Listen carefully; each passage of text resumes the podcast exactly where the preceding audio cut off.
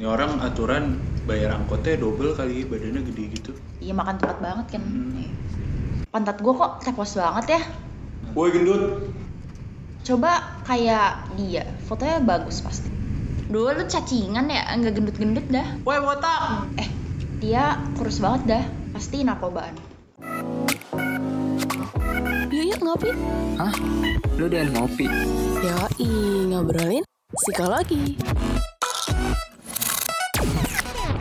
It's, It's all start with your mind. Time to get calm. Hai Kalmars. Nah, kalian, kalian pasti udah sering dengar kata-kata tersebut kan yang tadi kita udah sebutin. Kali ini kita akan bahas tentang Body image. sebelum itu eh, kita eh, kita punya tiga satu speaker baru nih. Nah, eh, bisa dikenalin dulu speaker barunya siapa? Halo, di sini dengan suaranya Emma. Dengan siapa di mana? Dari platform sebelah nih. Nah, eh, di antara kalian berdua ini pernah gak sih punya pengalaman kayak gitu yang kayak dikatain sama orang-orang? Siapa dulu nih? Eh ya, Dulu deh. ya oke. Eh, ya kayak tadi sih, maksudnya kayak suara-suara tadi memang kita Oh, bikin, iya. gitu kan? Kita yang bikin Berdasarkan berdasarkan pengalaman pribadi, gitu kan, bapak? Terus kalau dari Ari, kan lu gendut nih, Iya. badan lu kayaknya sama gue gedean siapa sih? Jangan sering-sering ngomong gendut ya. Oh, badan lu sama gue gedean siapa sih lu ya? Ya, gua lah gua. Oh ya, lu pernah nggak? eh, sebenarnya gue sering katain lu sih sebenarnya. Ya, Pernah nggak dikatain sama yang lebih parah daripada gue? ya pernah sih. Ah. Paling parah tuh kayak sampai mood dalam sehari tuh kayak gara-gara kalimat itu jadi bete gitu seharian pernah. Oh, itu sampai bikin lu breakdown atau? Ya pokoknya apa ya mungkin tidak produktif aja gitu gara-gara kalimat Jadi kepikiran Iya, gitu ya. kepikiran. Maksudnya kayak mungkin kita mau ngejalanin hari ya udah gitu, easy going aja pinginnya, tapi tiba-tiba nginget lagi kayak ih si Hmm. si B kayak pip ya. Nah, lu pernah gak sih kalau lihat eh, media-media atau apa yang mengiklankan ya kasarnya body image gitu? Hmm. Mungkin kayak iklan gym, eh, pernah lihat gak ada? ada pernah ste- stereotip laki-laki laki-laki harus posternya Oh. bagaimana Kayak iklan susu itu bukan sih? Susu yang buat laki-laki. oh susu Ya ada, Ah. ya ada Terus XL. juga dari perempuan sendiri gimana kalau dari sudut pandang perempuan sendiri? Hmm, kalau buat begituan banyak sih, maksudnya ya di mana aja, di iklan apa aja. Hmm? Mostly itu pasti mengiklankan tentang gambaran ya. Hmm. Gue nggak ngomongin besar kecilnya, tapi lebih ke gambarannya kayak em, putih lah, ngerti gak sih? Ya. Nggak nggak cuman ukuran ya. Kalau kayak tadi kan Kak Ari mungkin ngomonginnya tentang besar kecilnya, ya ukuran Hmm. kan. Tapi kalau kayak nggak tahu sih kalau buat laki-laki ngeliatnya gimana. Tapi kalau kalau gue sendiri sering notice kayak yang dijual, yang dipasarkan itu image cewek yang putih tinggi langsing, putih tinggi langsing rambutnya eh kalau pendek jarang banget kan rambut pendek, Iya, kan? ah. Digambarinnya tuh rambutnya panjang, putih tinggi langsing, kuntilanak Iya gitu sih. kan. iya atau kalau minjem skripnya si film Deadpool itu kan ada yang gemuk itu yang nggak pernah ada tuh superhero atau Hmm, Oh, iya, iya, yang iya. badannya posturnya gemuk Betul, atau betul. gimana Karena iya, karena itu lagi image muscular itu udah terbentuk ah kalau yang muscular berarti ini ini ini. ada Iya. Iya, iya. sendiri yang sering dilihat Terus, eh, nah, gue mau nanya, eh, definisi secara teorikal tentang body image itu yang ada gak sih? Jadi berdasarkan buku Abnormal Psychology, body image itu tentang persepsi dan evaluasi diri kita sendiri mengenai fungsi fisik dan penampilan. Makanya tadi gue bilang nggak cuman kayak gede kecilnya, tapi juga fungsinya gitu sih. Ya banyak aspek lah yang kita nilai terhadap mengenai diri kita gitu. Biasanya tema-tema yang muncul dalam body image itu apa sih yang masalah-masalah yang berkaitan dengan body image? Ya banyak sih kayak paling gampang kan insecurity seseorang tuh terpengaruhi dari situ. Terus bisa juga di self esteemnya jadi rendah. Drop ya? Ya. Kayak tadi Ari tadi kan yang cerita di awal. Itu Iya. kan, Terus prone to body shaming problem tuh jadi gimana ya bahasa Indonesia itu? Jadi lebih sensitif kali ya, lebih sensitif me- terkena terkena Ya. si ejekan-ejekan itu tentang eh, ya masalah-masalah walaupun mungkin ada orang nggak diejek tapi di compare ngerti Ya, sih dibanding-bandingin. dibanding-bandingkan mungkin itu mungkin membandingkan itu cara halus mengejek Mengejek. ya maksudnya jatuhnya kan ka- karena prone itu kan artinya jadi kita mudah gitu kan Hmm. mudah merasa mudah terkena ya kalau namanya orang udah mengalami tadi tema-tema insecurities, low self esteem itu pasti karena adanya eh, apa ya kejadian yang terulang terus-terusan sehingga membentuk ya tadi Iya. muncul itu. atau bisa juga di relationship kayak salah pasangan kita tuh merasa ih kamu tuh Gendutan ya? ya bisa jadi Sering kena atau apa tuh? oh iya atau kayak misalnya kamu kayak Jenny Blackpink dong gitu. tampilannya diminta Oke. padahal orangnya ya jauh dari Bukan orang Korea satu, Iya, bukan. satu bukan orang Korea, dua orang bukan anggota Blackpink. iya betul juga tidak ada yang budgeting buat supaya begitu Betul, betul. Tadi kan kayak ya udah emang orang tuh sensitif aja ke kena ya seputar ya masalah body shaming problemnya itu. Kalau Kak Ari sendiri pengalamannya gimana? Eh, pernah tuh gua lebih mikirin profile picture gua gimana di CV Hmm. ketimbang CV gue itu sendiri. Eh, kontennya ya? Iya, daripada iya, iya. gue menceritakan pengalaman, gue sekolah Hmm. di mana gitu, gue lebih memilih lebih lama gue milih Foto. foto gue Tapi nih. kalau CV mana kan biasanya cuma kayak foto 3 kali 4 kayak KTP gitu nggak sih Ah. kalau CV rata-rata Eh, ya tergantung. Ya justru itu maksudnya kan mungkin kayak lu mikirnya ya udah foto yang mudah aja tiga kali empat foto yang didapat sekali. Tapi untuk orang yang mengalami badan gembrot kayak gue gitu. orang yang mengalami that that kind of problem tuh Hmm. nggak semudah itu. Iya. Hmm. Kadang ya bisa beberapa kali kayak misalnya foto bang eh, kayak ke tukang fotonya kayak Iya. sebenarnya hasilnya nggak jauh beda cuman kadang Iya gua betul pengen, betul. ah, Jadi gitu. pertimbangannya tuh lebih banyak kan. Iya. Terus Dan biasanya kalau orang foto kayak aduh kelihatan dia kurusan dong Hmm. terus ganti Ah, pose gitu ya nggak sih juga ya salah satu Ibu-ibu tuh biasanya itu betul. salah satu maksudnya itu salah satu perilaku yang muncul dari tema-tema ya mungkin dia insecure kalau dia berdiri di kiri Ah. kelihatan apanya Iya, gitu kan. kayaknya tampilan gue lebih cakep kalau pipi sebelah Ah, kanan iya. gitu. Itu kan maksudnya ada something yang dia tidak apa ya, tidak pede kan ah. dengan penampilan dia. bentuk bentukan badannya tuh Mm-mm. lebih cocok gimana yang mana nah eh, hal-hal ini tuh ini kan berarti kan kayak negatif body image ya sih iya itu itu tuh munculnya tuh kenapa sih penyebabnya tuh ada nggak sih dari negatif body image sendiri sendiri hmm, Hmm, sebetulnya kayak si penyebab-penyebab ini kan hmm, ada banyak ya kayak. iya banyak banyak Hmm. Yang yang paling mudah misalkan kayak dari yang di dari dalam diri kita dulu kali ya. Mhm. Yang muncul secara alami kan karena kita temanya psikologi memang setiap orang tuh memiliki kepribadian sendiri-sendiri, Iya. memiliki karakter yang cenderung menetap gitu loh. Emang ada tipe orangnya tuh hmm, cara berpikirnya tuh hitam putih gitu. Tuh? di eh, dichotomous thinking jadi option di hidup lu cuman yes or no iya tidak bagus atau enggak. Benar atau salah. Betul. Ya balik lagi kalau ke body image gue kurus atau tidak kurus. Ah, kalau gue nggak seperti A ya gue otomatis B. Hmm. jadi nggak ada option lain. Padahal masih ada C D E F G sampai Z kan. Atau pilihan AB BC AB campuran iya dari iya kombinasinya gitu. kan banyak sebetulnya. Iya. tapi tipe orang ini tuh ya cuman memikirkan satu opsi ini doang gitu. Kayak di luar luar day gitu nggak sih? Kayak orang yang do or die Nggak. kayak gimana tuh oh kalau misalnya ya gue nggak begini ya gue mati aja gitu loh oh Ya sama aja kayak misalkan kalau gue gagal di sini ya gue bakalan Ya, misery a Nah, lo- ya. a whole lifetime gitu. Padahal kan enggak gitu loh. Oke, terus ada lagi kayak low self esteem gitu loh.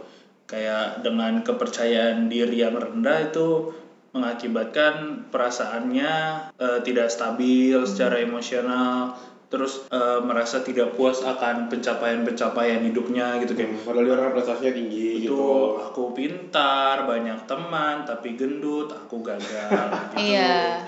Campuran Jadi iya campur-campur bener Ya, kayak keberhasilan-keberhasilan dia tuh di gagal karena iya, satu hal iya tertentu. betul. Padahal kan maksudnya hal tersebut ya tidak berkorelasi Ya, gitu betul, kan. dong.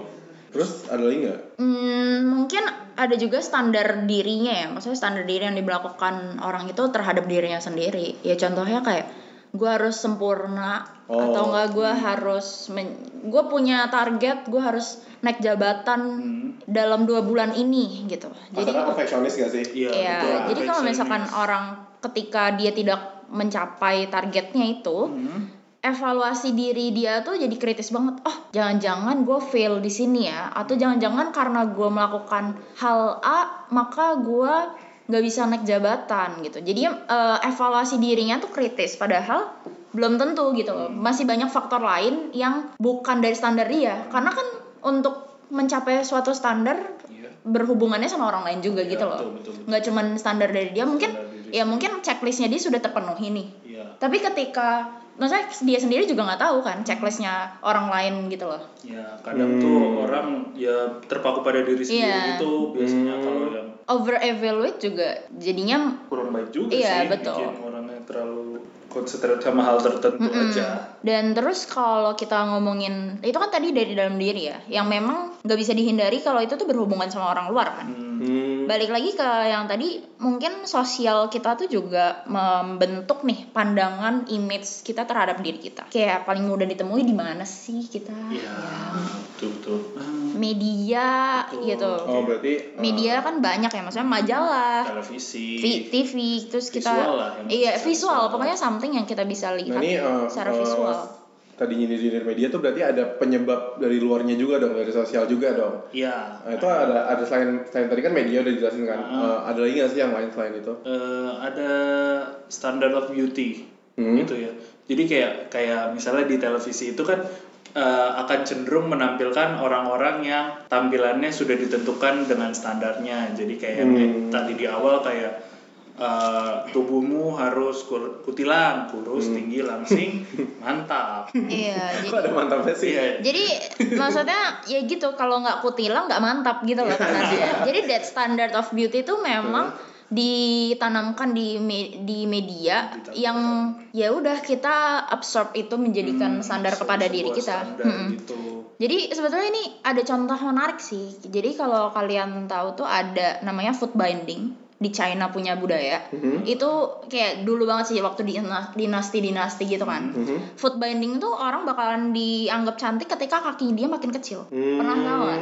Yang masuk sepatu itu bukan sih? Sepatu Yang gitu. kakinya ya diikat Ah, gitu, diikat gitu, dibind ah, supaya ah. nggak makin tumbuh. Sakit tuh denger itu. Jadi bentuk kakinya tuh ya sekepel tangan doang.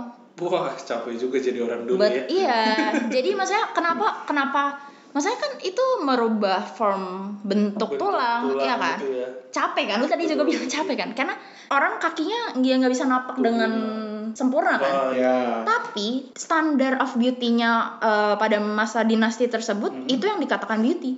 Oh. Kecantikan itu di, diukur dari eh, seberapa besar kecilnya kaki lu. Oke. Iya. Tanpa melihat rambutnya Iya, iya, iya. Berarti ada konformitas That's why, sih? nggak, that's why standard of beauty-nya tuh memang beda-beda. Di mungkin kita di Indonesia ngeliatnya kayak gini di TV, tapi kalau di luar negeri beda lagi. Iya. Atau di dalam ya konteks kecil aja di dalam keluarga ini dan keluarga ini bisa aja beda Iya, gitu. betul betul betul Hmm. atau juga tekanan-tekanan dari orang sekitar kayak Contohnya misal gimana tuh?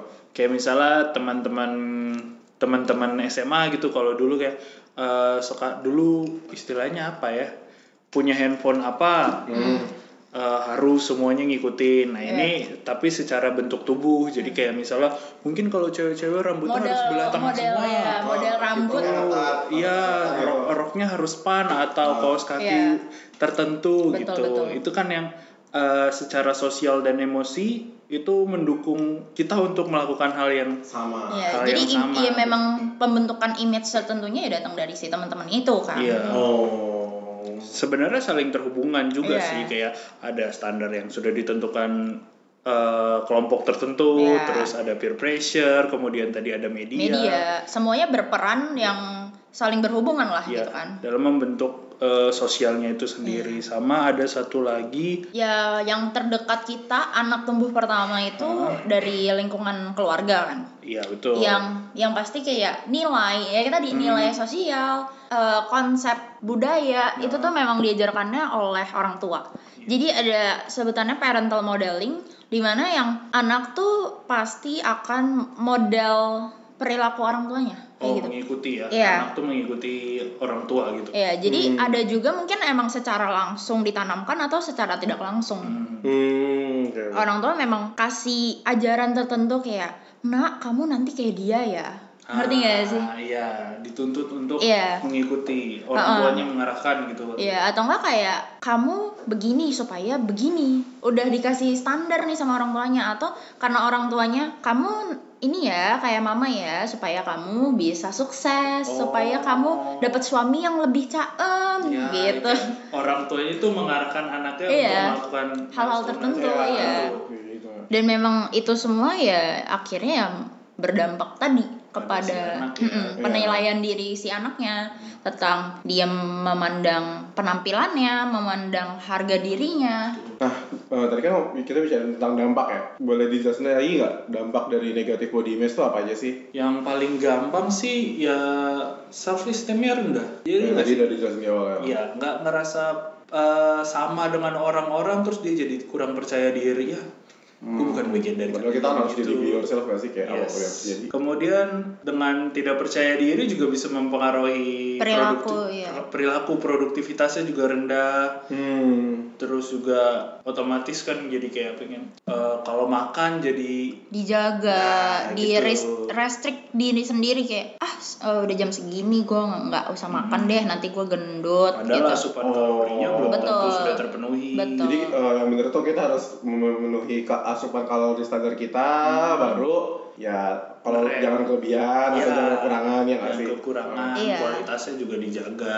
Terus bisa juga kan kayak orang lagi berusaha untuk menurunkan berat badannya, Hmm. jadinya eh, mungkin ya tadi usaha-usaha untuk menurunkan bisa menahan makan atau bisa jadi olahraga yang berlebihan. Berlebihan. Ketika lu nggak punya asupan energi tapi lu mengeluarkan energi terus ya jadinya Amsyong. ya betul. Jadinya kita- kan bisa sakit kan, Ah. benar-benar jadi jadi gampang sakit, nggak punya energi lagi. Iya, Dan betul. mungkin itu balik lagi jadi menghambat kerjaan, Ah, menghambat dulu- fungsi dia. Yang dulu pernah aku tahu sih kalau nggak salah eh, nutrisi, olahraga sama istirahat tuh harus balance untuk ngurusin berat badan. work life balance. Ah, enggak, itu beda, itu beda. Oh, beda. Dan dan dan maksudnya tuh kayak every person punya needs asupan tuh beda-beda. Iya, jadi maksudnya ya nggak Bisa bisa, betul nggak bisa ngeliat kayak Kak Ari punya kebutuhan sama kayak punya gua.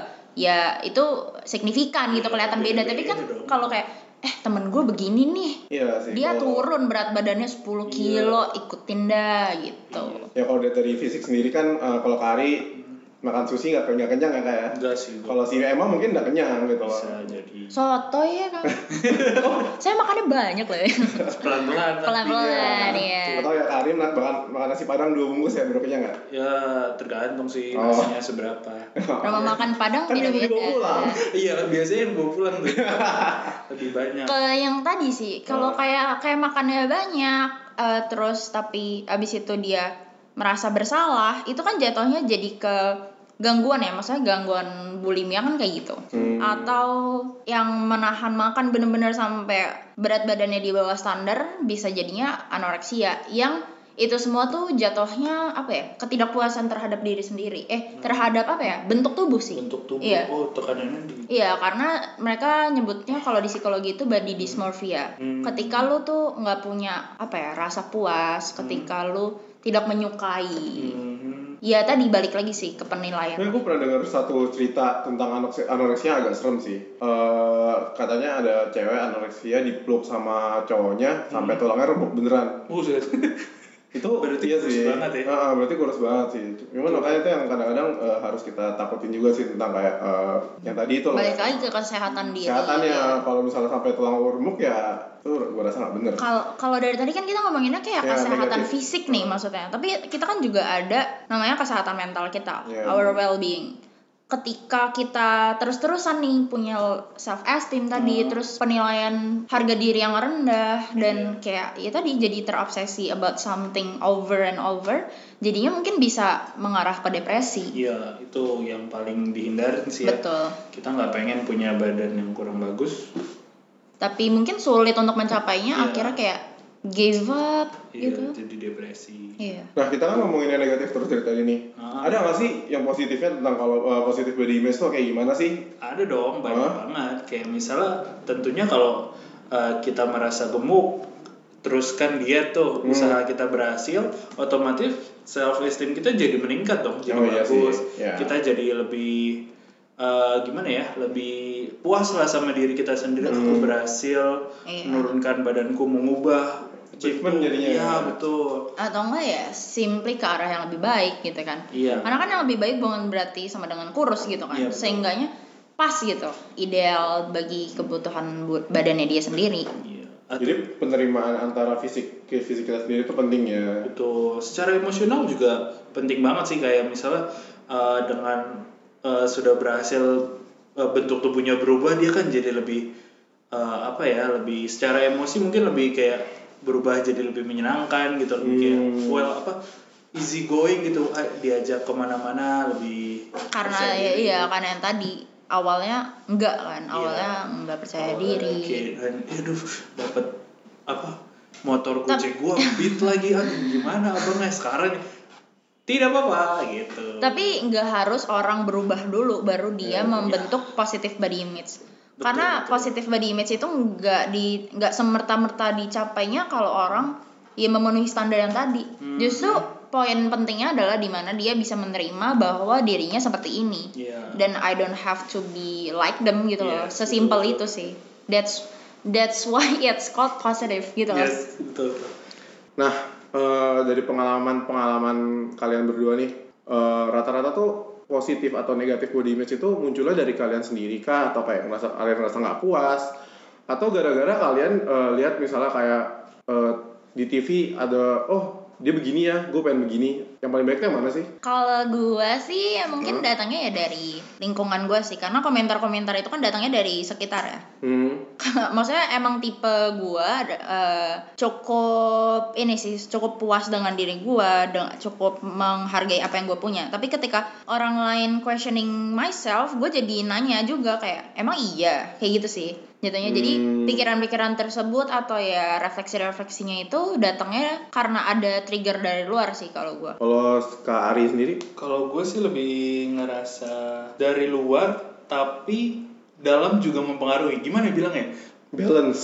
Eh, iya, bisa eh, kedua faktor Saling, mempengaruhi iya. gitu. Iya. Kayak misalnya Korelasional. Iya betul. Oh, oke. Kadang bercanda, misalnya ada seseorang gitu bilang bercanda menyebutkan fisik, eh, kalau misalnya yang dibilangnya moodnya lagi bagus, mungkin dia akan ikut terhibur atau Betul. tertawa gitu kalau dia siap dengan bercanda. Betul betul. Cuman di satu titik ketika Pas keadaan lu. Iya keadaannya kurang bagus kan jadi, lu ya nggak asik lu bercanda Iya, begitu iya. gitu. Malah jadi kok saya diserang Iya, gitu. kayak jadi merasa terserang betul. Iya. Hmm. Itu kan ya saling mempengaruhi juga sih. Nah, dari kesimpulan yang udah diberikan oleh Kak Ari dan Emma, Iya.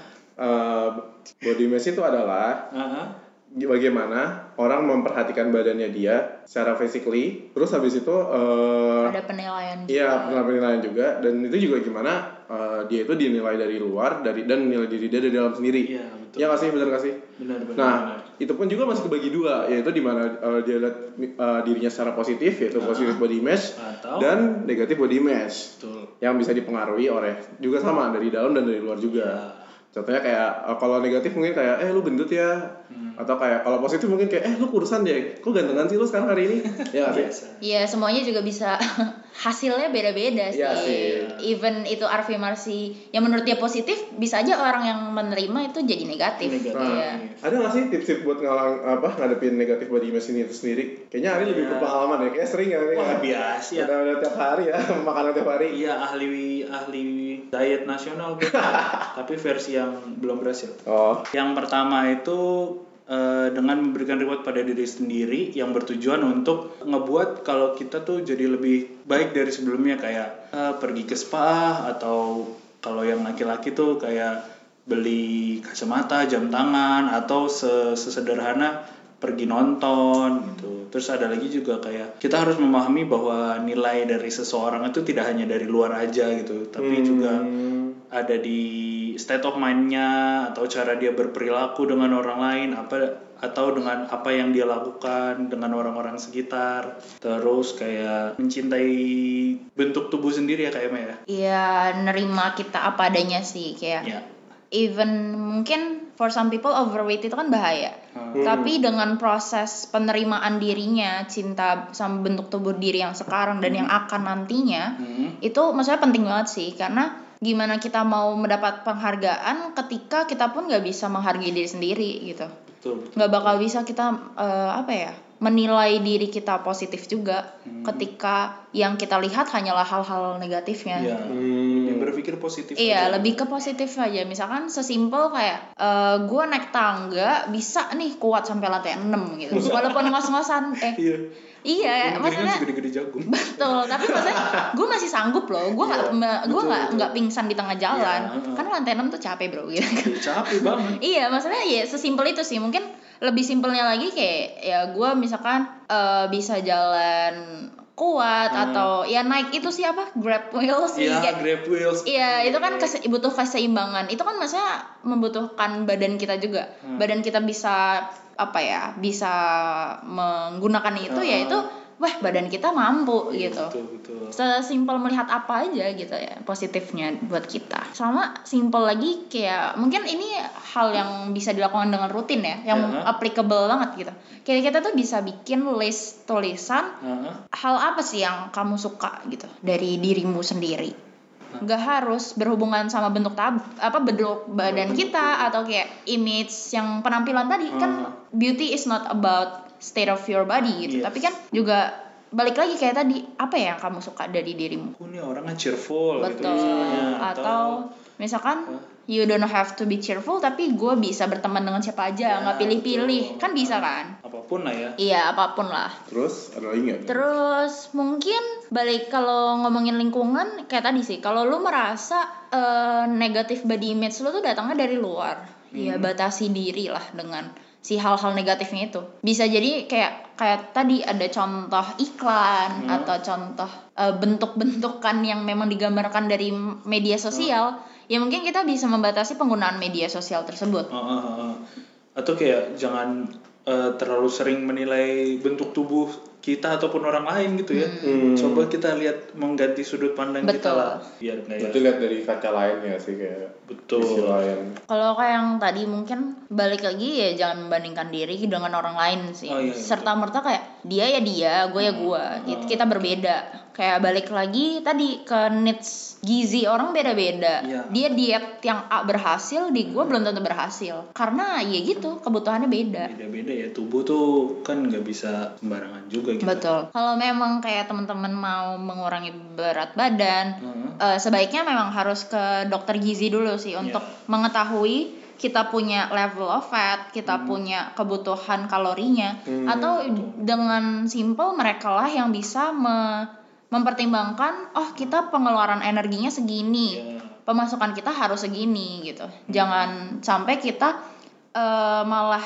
apa ya ke kalau membuat kita jatuh ke lubang sendiri Iya. karena Waduh, gimana tuh?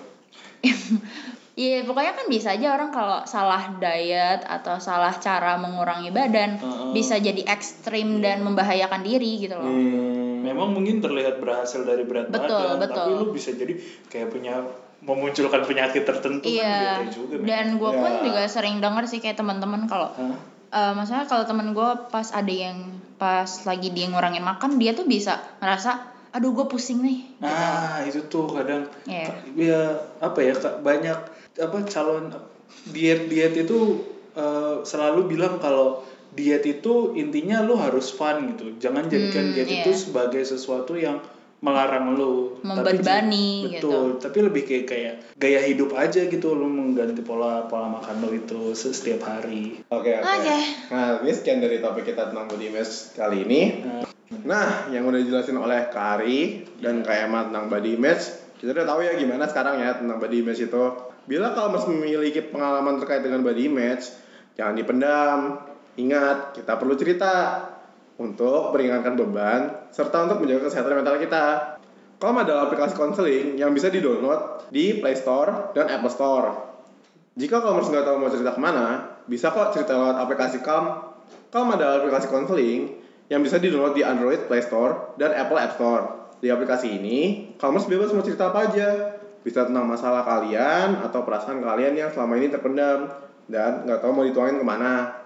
Jangan lupa untuk tag Instagram kita di @get.calm dan sosial media lainnya yaitu Twitter get underscore calm dan channel YouTube kita yaitu Calm. Yang di mana sekarang kita lagi eh, punya acara-acara segmen baru yaitu obrolan of the day. karena karena gue juga salah satu pengisi acaranya dicek ya. Kalau Calmers ingin berbagi cerita dan juga dibacakan langsung oleh kita, Calmers bisa langsung akses di bit.ly slash kita perlu cerita. Di sini, Calmers bisa cerita secara anonimus dan identitas Calmers tidak akan bocor. Dan tentunya kita di sini bukan menghakimi ceritamu, tapi kita di sini berperan sebagai wadah kalian untuk bercerita. Ya mungkin cerita tersebut nggak bisa diceritain ke orang lain. Nah, sekian dari podcast kita kali ini dan sampai jumpa lagi di podcast-podcast kita selanjutnya. Dadah Kalmar. Ngopi enak ya. Iya dong, namanya juga ngobrolin psikologi.